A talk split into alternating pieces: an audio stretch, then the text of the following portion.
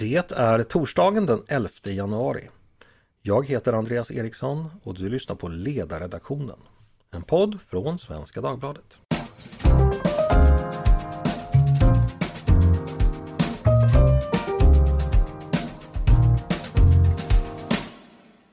Varmt välkomna till oss igen. Nu på lördag går Taiwan till val. Man ska välja en ny president. Det är ett val som gäller mycket och det har beskrivits som ett mycket viktigt vägval inför framtiden för landet som ju sedan länge befinner sig i den världspolitiska hetluften. Inte minst genom sin relation till sin stora granne Kina.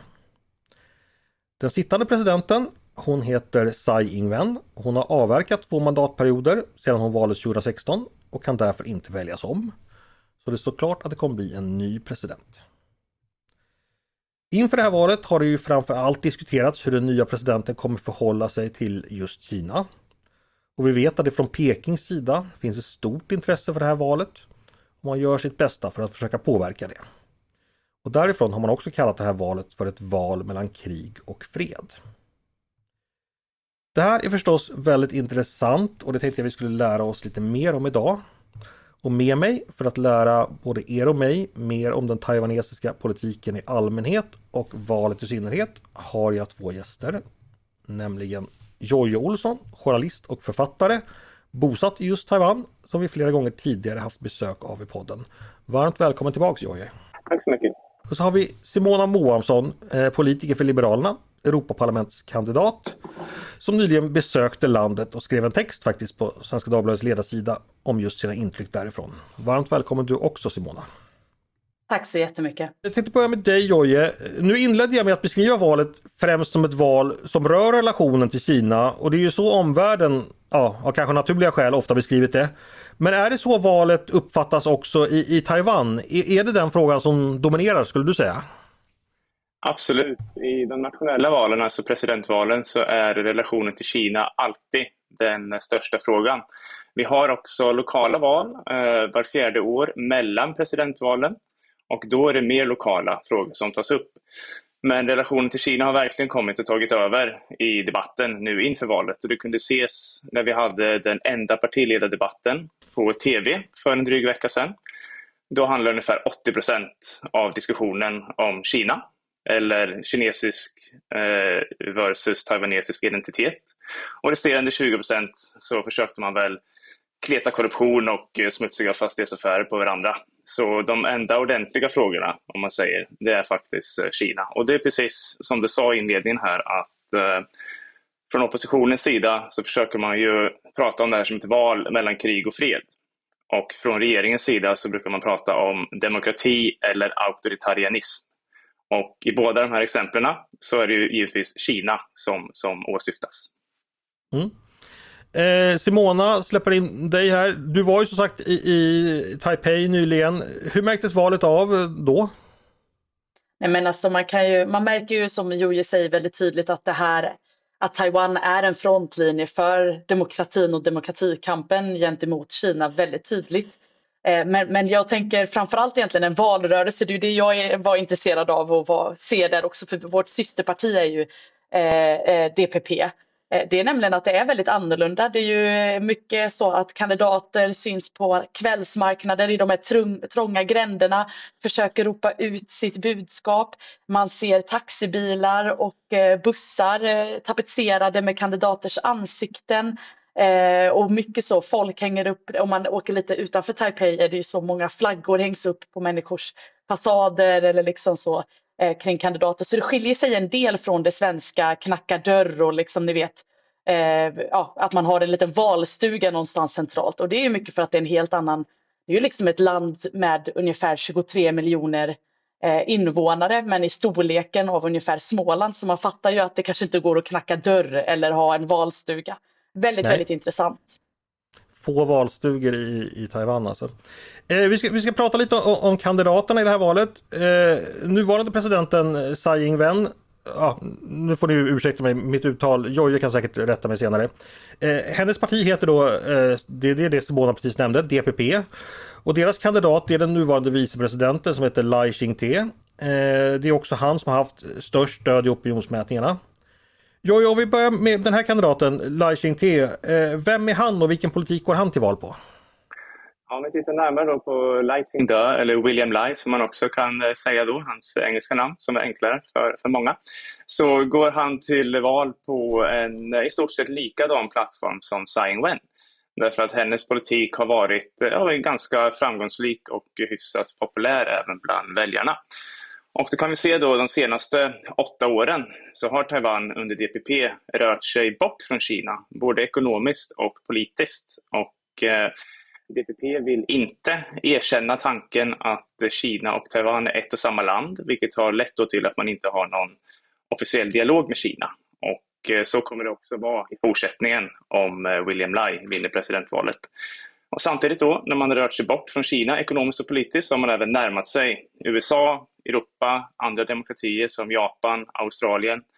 Så det är den plattformen som vi har sett de senaste åtta åren eh, som kommer fortsätta om, om William Lai vinner helt enkelt. Och sen en liten brasklapp här är att eh, William Lai är känd för att eh, vara en stark förespråkare av taiwanesisk självständighet. Så innan han var vicepresident eh, så eh, har han beskrivit sig själv som den taiwanesiska eh, som en arbetare för taiwanesisk självständighet och han har ett smeknamn som är den taiwanesiska självständighetens gyllene son. Så från Kinas håll så litar man inte på William Lai, även om han säger då att eh, han ska fortsätta på Tsai Ing-wens ganska pragmatiska plattform. Så försöker Kina och oppositionen måla ut William Lai som helt enkelt farlig för eh, att han kan provocera fram ett krig med Kina. Mm. Jo, nu tänker jag bara, nu kanske en del lyssnare hoppade till och, och frågade sig, är inte Taiwan eh, självständigt idag? Men det här är ju lite speciella förutsättningar som har med historien att göra. Kan, kan du bara kort berätta relationen mellan Taiwan och, och fastlandskina? Hur, hur har den sett ut och hur ser den ut idag? Ja, för att göra en jättelång historia kort då, så efter kinesiska inbördeskriget 1949 så uh, flydde ju det som idag är Kuomintang och som även då var Kuomintang. De flydde ju då till Taiwan efter att de förlorade inbördeskriget mot eh, Mao Zedongs kommunister. Och sedan dess har vi haft republiken Kina här på Taiwan. Och sen har vi haft folkrepubliken Kina på det kinesiska fastlandet. Och eh, där har ju folkrepubliken Kina kommit att bli det land som hela världen förutom ett tiotal mindre nationer erkänner. Och som även är det land som representerar Kina i FN och andra internationella sammanhang. Medan republiken Kina, som är Taiwans officiella namn, har lite av en ja, men, paria-status kan man nästan säga, eh, diplomatiskt och internationellt som en följd av att Kina gör anspråk på, på Taiwan. Så de relationerna är ju ansträngda på grund av historiska anledningar, men även då för att Kina, framförallt under Xi Jinping, den nuvarande ledaren, har ökat sina anspråk på Taiwan. Man har blivit mer aggressiv både i retorik och i handling. Så från eh, kinesiskt håll vill man ha till vad man kallar då en återförening med Taiwan. Medan man från taiwanesiskt håll, om man tittar på opinionsundersökningar, så vill man fortsätta med status quo. Man vill eh, helt enkelt vara skild från, från Kina politiskt och eh, det är den situationen vi, vi befinner oss i idag. Mm. Om vi fortsätter med, med eh, Lai Ching-te och hans DPP. Simona, du nämnde att det är ett systerparti. Vad har du att säga om han och hans eh, kampanj och hans politik? Nej, men jag, jag tänker att det verkligen visas att vilken otrolig balansgång eh, politiker och framförallt presidentkandidater behöver balansera.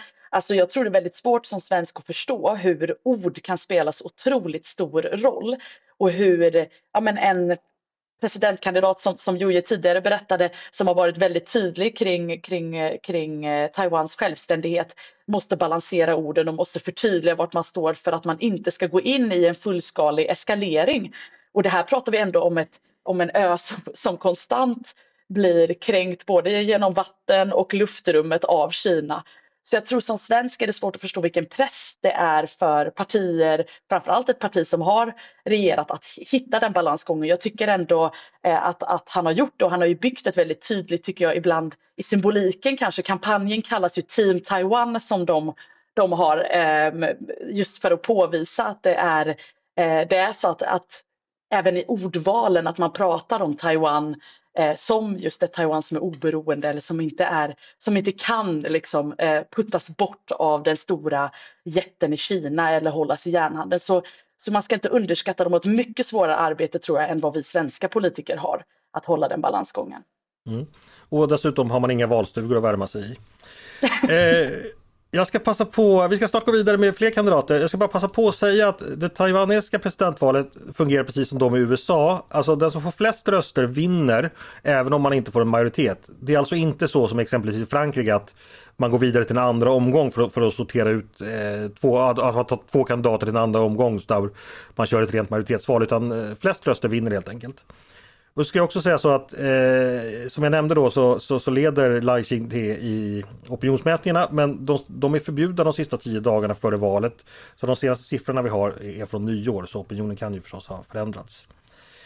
Eh, nästa kandidat jag tänkte vi skulle prata om eh, det är Hu Yui som kandiderar för just Komitang, tidigare nämnd av, av Joje, det vill säga Nationalistpartiet. Och det är parti som en gång la grunden för Taiwan, alltså Chiang Kai-sheks gamla parti. Tänkte börja med, med dig Simona. Eh, vad har du att säga om Hu Yuin och eh, vad vill han göra som president? Nej men precis, eh, han är ju liksom oppositionspartiets eh, presidentkandidat och han säger sig själv vara en röst för fred framför krig. Eh, och ironiskt nog så tror jag att Peking nog tycker detsamma för det är nog favoritkandidaten om Peking får bestämma. Eh, och det är just för att, eh, för att Peking ser det som att de har en bättre relation, en mindre, en mindre friktionsfylld relation eh, om, om de skulle, skulle vinna i det här valet för att man har en, helt, en lite mjukare inställning till, till Kina och kommunistpartiet. Man tror att man behöver närma sig Kina istället för att, för att liksom ha, närma sig USA eller omvärlden och det är väl den stora skiljelinjen eh, i, i den frågan. Mm. Eh, jag hoppar över till dig. Det här kanske är lite kontraintuitivt för en del som inte känner till eh, Taiwans politik men, men alltså Kuomintang då som var, var, var, helt enkelt flydde från kommunistkina det är alltså Pekings bättre vänner nu, numera kan man säga så? Vad, vad beror det i så fall på? Precis, eh, det kan man säga. Det är den största paradoxen i en taiwanesisk politik. Först bara en liten rättelse här. Eh, Taiwanesiska presidentvalet är inte riktigt likadant som det amerikanska för vi har inga elektorsröster utan vi röstar direkt på presidenten och sen röstar vi även till den lagstiftande församlingen. Eh, men det kanske vi kan ta eh, senare. Men i vilket fall då så, ja, KMT och DPP, en stor skillnad mellan de två partierna är då att DPP främjar en taiwanesisk identitet. Det kan man se då på DPP bildades av kineser med rötter i Taiwan, alltså etniska kineser med rötter i Taiwan innan KMT flydde hit. Så eh, det är alltså folk som aldrig har haft någonting med kommunistkina att göra. Och eh, det kan man se då när DPP tidigare haft makten så har de exempelvis då ändrat namn på eh, flera torg, flygplatser, allmänna eh, platser så från eh, Chiang Kai-sheks torg till Frihetens torg och så vidare. Och Eh, KMT då, de eh, främjar ju då en kinesisk identitet. De menar att Taiwan är kinesiskt. Man har kinesisk historia, kinesisk kultur. Man menar egentligen att man är den bästa frambäraren av eh, traditionell kinesisk kultur eftersom man inte haft någon kulturrevolution och så vidare. Och det här resulterar då i att KMT och Kinas kommunistparti, de är förenade i ambitionen att inte göra Taiwan taiwanesiskt utan att göra Taiwan kinesiskt. Och det är därför som KMT idag har samma inställning i den här frågan till sin gamla ärkefiende då Kinas eh, kommunistparti som, som de har. Och ja, man kan säga att eh, den stora anledningen till att KMT är eh, ja, vänligt inställt med, med Kinas kommunistparti är just att man vill undvika att Taiwan dras in i den taiwanesiska identiteten och istället stannar då i vad man anser är en kinesisk eh, identitet. Så när man talar om KMT som ett nationalistparti då är det alltså inte så att säga den taiwanesiska nationalismen utan en nationalism som istället är knutet till Kina helt enkelt? Precis och eh, en annan helt avgörande skillnad mellan DPP och KMT det är det att KMT de ställer upp på tanken att Taiwan och Kina är en och samma nation. Det är vad de går till val, till, äh, går till val på, det är vad de alltid har gått till val på medan KMT, äh, eh, förlåt, eh, äh, medan DPP de anser alltså inte att Taiwan och Kina är samma nation. Så vi har ett gammalt avtal här som heter 1992 års konsensus. Och det är utformat på så vis att eh, det konsensus det innebär att Kina och Taiwan tillhör en och samma nation.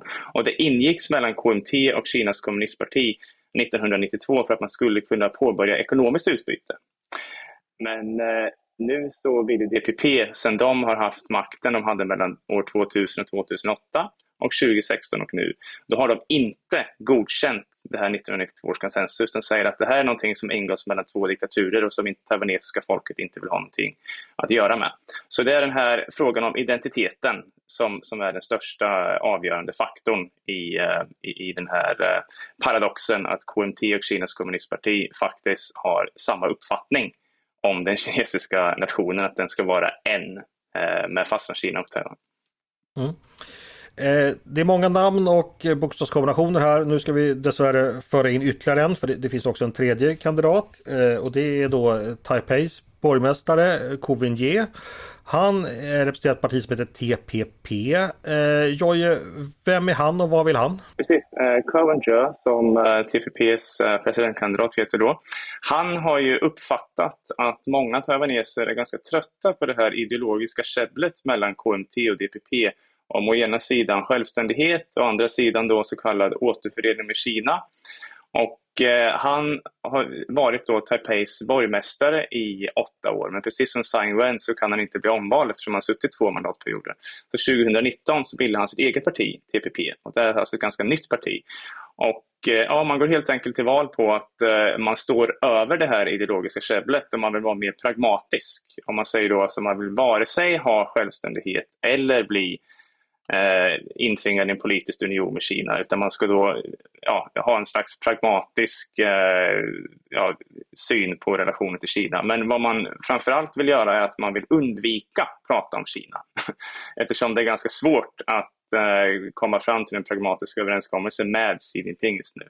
Så eh, man försöker att fokusera mer på de här eh, ja, men inrikespolitiska problemen, exempelvis då Taiwans ekonomi går ju som tåget men lönerna är fortfarande väldigt låga och bostadspriserna är väldigt höga och eh, sådana saker. Men det har, inte, det har dränkts lite grann i den här eh, debatten då om relationen till Kina som igen har uppstått mellan DPP och eh, KMT. Men som sagt, DPP går till val på att vara en slags mittenkandidat när det kommer till både identitetsfrågor då, kinesisk eller taiwanesisk identitet och relationen till Kina. Mm. Jag ska säga då att enligt opinionsmätningarna så, så är den breda mitten då även i Taiwan lite mindre för de är oftast på, på tredje plats. För som jag sa så är det då DPP-kandidaten som, som ha, har lett i nästan alla undersökningar. Sen KMT-kandidaten och på, först på tredje plats TPP. Eh, Simona, eh, vad, vill du komplettera någonting här kring Covinje och TPP? Vad, vad är din uppfattning? Men jag tänker framförallt är det väl det här önskan att få prata om någonting annat än Kina är ju verkligen, märks ju att det är ett önsketänk eh, och att det inte går att frångå det. Och att man kanske också kan lägga till ett till lager som jag märkte av när, när jag var där, det är också så här relationen till USA diskuteras ju också på samma sätt som man diskuterar liksom relationen till Kina eh, och kan användas både ett slagträ framförallt då mot DBP Ehm, i, i relationen. Alltså hur mycket ska man närma sig USA och kan det vara en del av det som eskalerade? Eh, också värt att notera att, att EU eller vi liksom är ganska irrelevanta i, i det. Man kan inte riktigt räkna med oss som spelare, oftast för att vi inte har så jättestarka åsikter och ganska beroende av Kina och därmed eh, har svårt att liksom egentligen backa upp Taiwan. Mm. Nu har vi pratat väldigt mycket om relationen till Kina och ni har ju båda bekräftat att det är det viktiga. Det här med höger och vänster då, är, är det helt ointressant eller kan man placera de här kandidaterna på en sån skala också? vad, vad säger du Simona? Alltså nu kanske av egenintresse, Jojo får väl komma in sen, men eftersom vårt parti eh, DPP eh, är ett liberalt parti som har bland annat drivit igenom eh, samkönat äktenskap. Och så, så uppfattar jag ändå att det finns ju konflikt i sakpolitiska inrikesfrågor, även om de kanske inte är högst på agendan. När man pratar om ett presidentval så skulle jag nog ändå säga att det finns ett vänster-höger eller snarare liksom de här, ett, ett eh, ja, liberalt eller mindre liberalt. Och det är väl också eh, om man tittar på vilka som röstar i de olika partierna, alltså eh, att man, DPP fångar kanske mer av, av uh, unga eller liksom de som bor i, i de stora städerna medan de, eh, vi har liksom mer konservativa partier, eller hur man ska säga, traditionella partier. Uh, man ska komma, att det fin- komma ihåg att så här, det finns ju väldigt starka så, traditionella inslag i det taiwanesiska eh, liksom samhället där fortfarande familjen är viktigt. De har ju inte liksom samma syn på välfärdssystem och så som vi har. Så jag skulle ändå säga att det finns en vänster-högerskala eller en liberal och konservativ skala kanske man ska kalla den. Men ja, mm. Joje kanske kan komplettera. Ja, kan du det Jojje? Höger-vänster-skalans betydelse i det här, är det någonting som är viktigt att ha med sig? Höger-vänster-skalan kan ju ofta kännas utdaterad även i en västerländsk eh, kontext och även mer så här i Taiwan därför att den viktigaste skalan den har att göra med just den här eh, identiteten, huruvida man ser sig själv som taiwanes eller om man ser sig själv som kines eller en blandning av de båda. Men om vi tittar bara lite rent generellt så här så har ju KMT har ju alltid varit elitens parti, någon slags borgerlighet. För att det var ju de som kom hit då med Chiang Kai-shek 1949.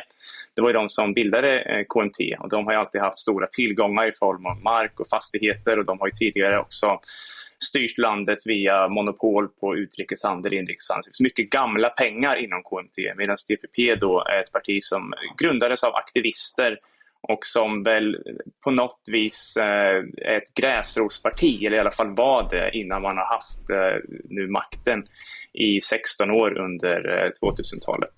Eh, men om vi tittar då eh, också på TPP, vart TPP står politiskt, så är det väldigt intressant därför att eh, TPP, han Covendra som är deras presidentkandidat, han var ju tidigare då grön, vilket innebär att man tillhör DPP. Han vann makten som eh, Taipeis borgmästare genom att DPP stödde honom. Men sen blev han istället då eh, blå under sin andra period och innebär alltså att den närmade sig KMT.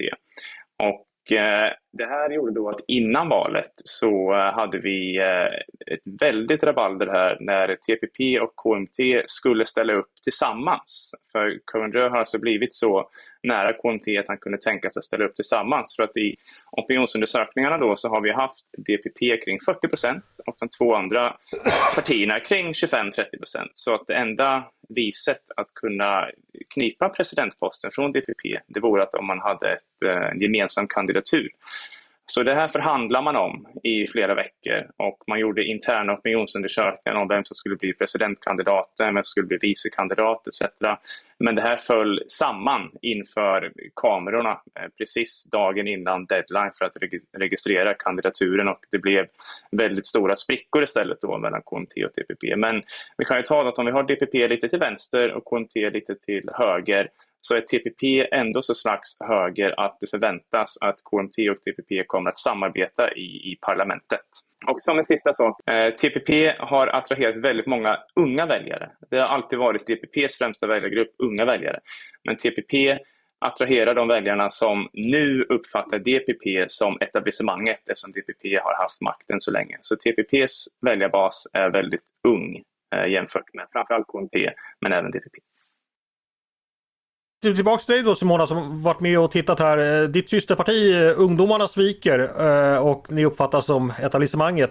Vad märkte du av det? Eller kunde du se så att säga att olika väljargrupper verkar söka sig till att, att man kunde se, se så att säga att ung och gammal skildes åt här?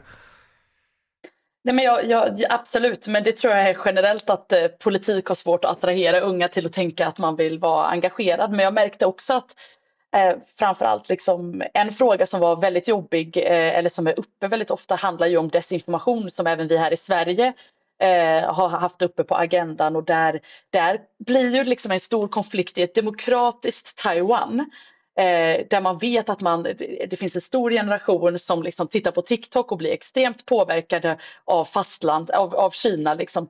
Ska man förbjuda det eller inte? Ska man göra det för att demokratin ska överleva och hur gör man det då? Liksom? Eh, och att det finns liksom en, en, eh, ja, en inbyggd komplexitet i sådana frågor i, i hur man ska få en ny generation att förstå att demokratin är någonting man behöver kämpa för. Eh, så där skulle jag säga att det är exakt liksom samma frustration eh, som det finns även i, i partier här i Sverige och i Europa. Att så här, när får, när får liksom den unga röst, rösten eh, och hur kan man få unga att förstå vikten av att kämpa för demokratin och att det kanske är ibland liksom komplexa, jobbiga frågor man behöver hantera. Mm. Och därmed leder du in mig på nästa ämne. För att som vi har sagt då så, så från Pekings horisont så finns det ju ett eh, valresultat som man då verkligen föredrar. Och det har ju pratats om att Kina har försökt påverka det här valet på, på många olika sätt. Eh, om vi börjar med dig Jojje. Hur har Kina försökt, eh, eller hur har Kina agerat för att påverka valkampanjen helt enkelt? Kina har ju ända sedan 1996, Taiwans första presidentval, försökt att påverka eh, utgången då på olika vis. Och vad vi har märkt inför det här valet, det är väldigt stora förändringar i metoden. Eh, man har förlitat sig mindre på militära hot, mindre på militärövningar och stridsflygplan i vår luftförsvarszon. Utan istället så har man försökt att hålla en lägre profil och desinformation, som Simona nämnde, har blivit eh, det kanske allra viktigaste verktyget. Och där ser vi då att vi har andra Eh, först har vi andra narrativ än tidigare. Istället för att man framhåller Kinas politiska system och Kinas ekonomi som överlägset så försöker man istället eh, ja, så tvivel kring USAs intentioner, för DPP har ju då närmat sig USA och USA är säkerhetsgarant för Taiwan. Man försöker så tvivel kring hela det demokratiska systemet genom att sprida ja, men uppgifter om eh, korruption och eh, ja, valfusk helt enkelt. Och dessutom så ser vi en mycket tydlig förändring i avsändaren. Tidigare så har ju kinesiska statliga medier och kinesiska diplomater, de har ju stått och eh, gastat om det här och försökt att eh, sprida det via eh, kinesiska sociala medier. Men, men nu är det så, Taiwan här, framförallt efter hanteringen av covid-19 i Kina då, som var, fick väldigt stor uppmärksamhet på Taiwan.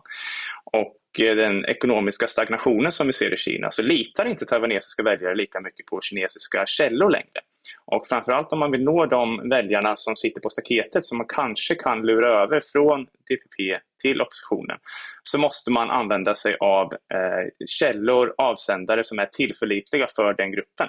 Och då har vi sett hur man från kinesiskt håll då har eh, ja, men kultiverat lokala ombud. Man använder sig av eh, lokala medier som har prokinesisk uppfattning, lokala affärsmän, företag som har intressen i Kina, lokala influencers som tjänar pengar på att sprida Kinas budskap eh, åt Peking. Då. Så det är en väldigt, väldigt stor skillnad. Och sen har vi även sett andra sådana här eh, påverkansförsök som eh, betalda resor till Kina. Hundratals eh, lägre stående tjänstemän har fått bjudresor helt enkelt där de då ja, behandlas väl och uppmanas sen att eh, sprida i sina valkretsar att du borde rösta på, på, på, på KMT då istället. Och vi har ja, sådana absurda saker som falska opinionsundersökningar som liksom har planterats i, i medier av kinesiska aktörer. Och sen givetvis då Eh, de här ekonomiska sanktionerna, väldigt riktade ekonomiska sanktioner. Så man inför sanktioner mot de områden där DPP har starkt stöd för att visa att det här är vad som kan hända med hela landet om, eh, om regeringen fortsätter att, eh, fortsätter att regera. Och sen har man då hotat att avsluta handelsavtal och underförstått då att det gör man om DPP vinner, men om KMT istället vinner så kan man istället tänka sig att utöka de här handelsavtalen. Då. Så vi har helt enkelt sammanfattningsvis sett en rörelse bort från de här mer militära hoten som alltid har haft motsatt effekt på taiwanesiska väljarkåren och istället en mer sofistikerad, eh, koordinerad eh, kampanj för att mm. Simona, under ditt besök, hur märkte du av eh, kinesiska påverkansförsök? Nej, men ja, det, det märks framförallt eftersom man konstant blir påmind av de militära, alltså framförallt när man, när man får höra hur Eh, Eh, Kina tar sig, kränker luftrummet och vattenrummet. Men jag tycker också att det märktes nu för några dagar sedan efter mitt besök att eh, Kinas representation här i Sverige eh, mejlar mig och är väldigt tydliga med att Taiwan är en del av Kina och att jag inte ska tro någonting annat eller sprida annan information. Alltså det, jag tycker att det är väldigt ovanligt och lite skrämmande hur eh, ja, svenska politiker ska liksom behöva få sånt här från länder som är ganska maktfulla där de rent ut sagt säger att så här, nej, men du har fel. Taiwan har inte rätt över sitt självbestämmande utan det är kinesiskt och vad du än säger det är liksom inte sant. Så jag tror att man ska liksom sätta ihop det att Kina och, och eh, eh liksom kommunistpartiet, det är inte så att de bara, det här handlar inte bara om Taiwan utan det här handlar om en viss syn på omvärlden, en viss eh, syn på sig själv. Kina vill vara en stormakt och de gör allt de kan, både i sitt närområde men även här i Sverige. Mm. Jojje, vad kan vi räkna med att det blir för reaktioner från Peking om så att säga fel kandidat från deras horisont, det vill säga DPP vinner? Hur kommer man agera då? Många förväntar sig ett uh, militärt uh, svar från, från Kina. Uh, dels för att Kina vill visa sitt missnöje med William Lai, men även för att man vill testa William Lai. Och Eh, då kan man då tänka, blir det efter helgens val eller blir det i maj när William Lai tillträder? Eh, det vet man inte. Sen kan det även bli så att eh, även om DPP tar presidentposten och William Lai blir president så kan man förlora sin majoritet i den lagstiftande församlingen. Mycket tyder på det. Och eh, i så fall blir det bara en, ja, en pyrhusseger för DPP och i så fall kanske man från Kinas håll inte behöver reagera lika starkt. Men samtidigt så är det högst sannolikt att man på något vis kommer testa William Lai med militärövningar, eh, givetvis det andra som vi pratade om tidigare också, sanktioner och diplomatisk utfrysning och så. Men absolut, efter valet kommer vi säkerligen få se en upptrappad militär aktivitet, eh, antingen denna månad eller i, i maj när han tillträder. Mm. Bara kort kring parlamentsvalet. Eh, eh, det är ju det samtidigt. Eh, finns det någonting att säga om det? Är det så att TPP och KMT kommer att gå i koalition där och samarbeta ifall de kan nå en majoritet tillsammans? Eller hur, vad kommer hända där? Det är sannolikt i och med att man funderade att eh, samarbeta till och med i presidentvalet så ligger man ju nära varandra i många frågor och framförallt det här då, som jag nämnde att Clevenger han har blivit mer blå med tiden. Han har alltså blivit mer KMT-sympatiserande. Och han vill ju också då återstarta ja, som man säger, ekonomiska samarbete framförallt med Kina. Så han är också beredd att eh, göra eh, eftergifter på den punkten då att eh, Kina och Taiwan eh, trots allt är en och samma nation. Han har sagt flera gånger att Eh, ja, de två sidorna av sundet tillhör en och samma familj och, och sådana saker. Så när det kommer till, eh, till Kina-frågan så kan vi räkna med att TPP och KMT i den här lagstiftande församlingen då sannolikt kommer att samarbeta. Och DPP har ju haft majoritet nu i åtta år, så i två mandatperioder har man haft majoritet i den lagstiftande församlingen. Ändå har man inte drivit igenom så många reformer som många, framförallt yngre invånare, skulle ha önskat när det kommer till minimilöner och så vidare. Och det är väl lite på grund av det också som, eh, som den här majoriteten är i fara. Eh, det ser ut att bli jämnt i parlamentsvalet, men de flesta bedömare tror att eh, DPPs majoritet är i fara och då blir det väldigt svårt för William Lai att styra landet de kommande fyra åren. Mm. Eh, jag ska fortsätta med dig för jag, jag, läste en text du skrev i Smedjan som publicerades igår som resonerade kring olika scenarier inför framtiden. Vi vet ju att Peking och president Xi har ju pratat mer och mer om frågan om Taiwan och ja, att han vill se en lösning som han uttrycker det då i, i, i, närtid. Det här är ingenting som kan skjutas upp till framtida generationer. generationer. En kinesisk invasion, eh, om vi ska bli så drastiska, hur sannolik är den? Jag tror många gör misstag när man tänker på den här situationen som att det blir antingen en invasion som D-dagen eller så blir det ingenting. Det är mer sannolikt att vi först får se någonting som exempelvis en, en blockad, en begränsat militärt äh, agerande mot någon av de här öarna som Taiwan styr som ligger närmare Kina. Men om vi håller oss fast vid invasionen då, eh, i och med att det var det frågan gällde, så eh, det är väldigt osannolikt att en invasion skulle komma helt plötsligt över en natt för att det måste föranledas av stora truppförflyttningar. Det måste föra hundratusentals eh, man och miljontals ton material till, eller materiell då, till östkusten. Och det här skulle märkas av både amerikanska och taiwanesiska underrättelsetjänster. Så en, en, invasion till att börja med kan i stort sett inte ske med överraskningsmoment. Och eh, om det då blir så att vi ser en truppsamling i östra Kina så är det väldigt, det här är en väldigt, väldigt avancerad eh, amfibisk operation som, som Kina måste ta sig an då om man ska invadera Taiwan. Och det innebär då att de olika vapenslagen, flygvapnet och flottan och eh, armén, de måste ja, koordinera sina, sina attacker mot, eh, mot Taiwan. Och det är väldigt svårt för en kinesisk militär som inte har varit i krig sedan i slutet på 70-talet och som plågas svårt av korruption kom eh, en, en, artikel nu i veckan om att korruptionen var så eh, svår inom Kinas militär så att många av robotarna var fyllda med vatten istället för bränsle.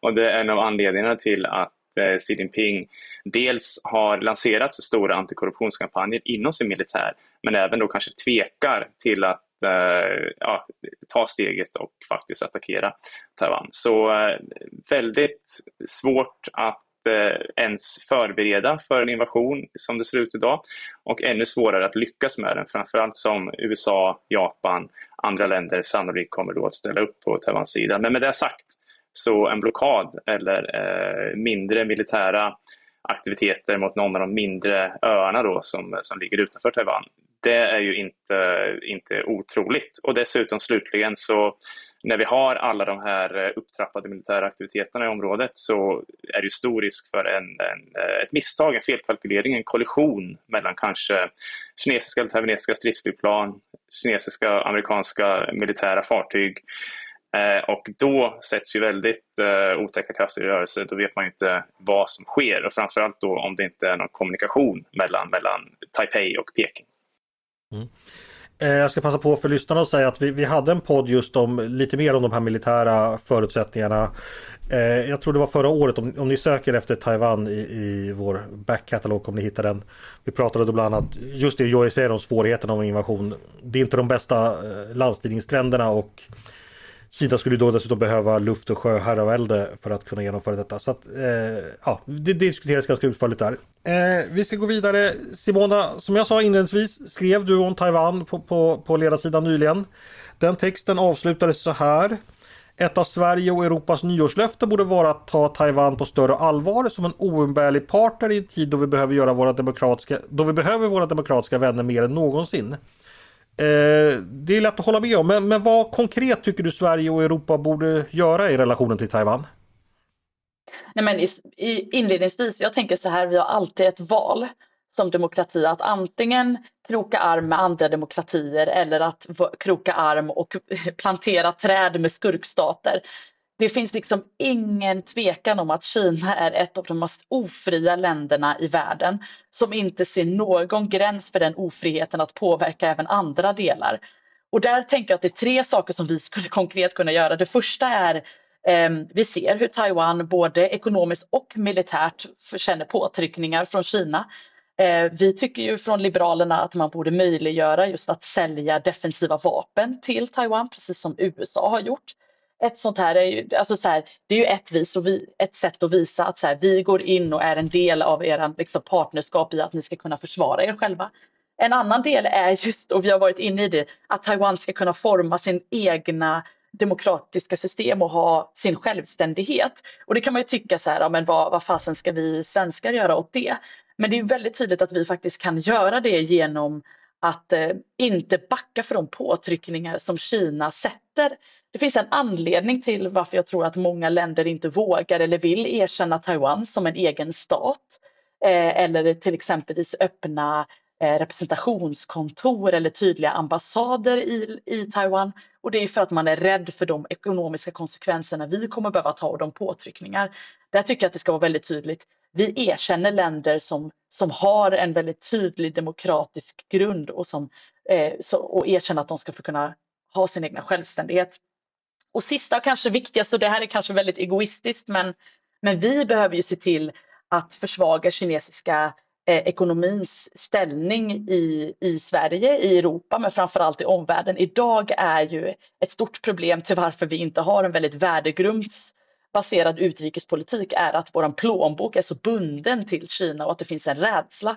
Och där måste vi se till att kapa den rädslan. Vi kan inte ha kommuner som, eh, som, ger, eh, som tycker att storföretag eh, får, får liksom, eh, gå före i olika eh, köer och, och man har vänskapsavtal med Kina och så kan man inte ens ta och skapa en vänskap med Taiwan. Det är jättestor fara och det är ju inte jag som säger det utan det är ju Säkerhetspolisen och FOI har sagt att ett av de största hoten mot det svenska samhället är Kina.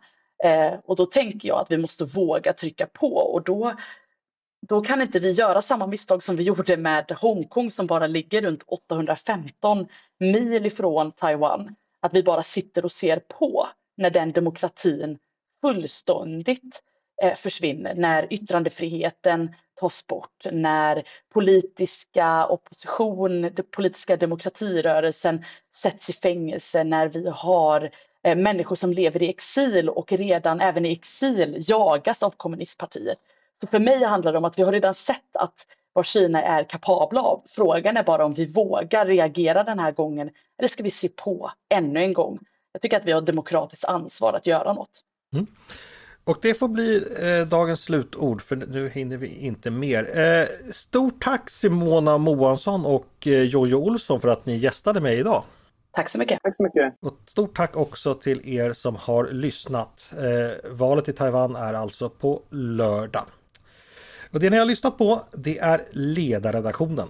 En podd från Svenska Dagbladet. Precis som vanligt är ni varmt välkomna att höra av er till oss på redaktionen med synpunkter och tankar på det vi precis diskuterat. Men också om ni har idéer och förslag på vad vi ska ta upp i framtiden.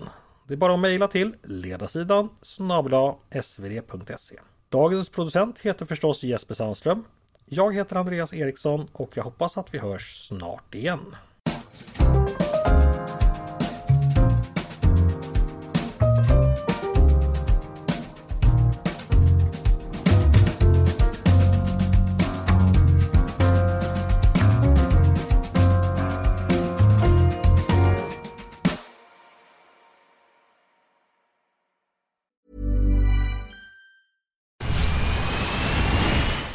That dust coming from?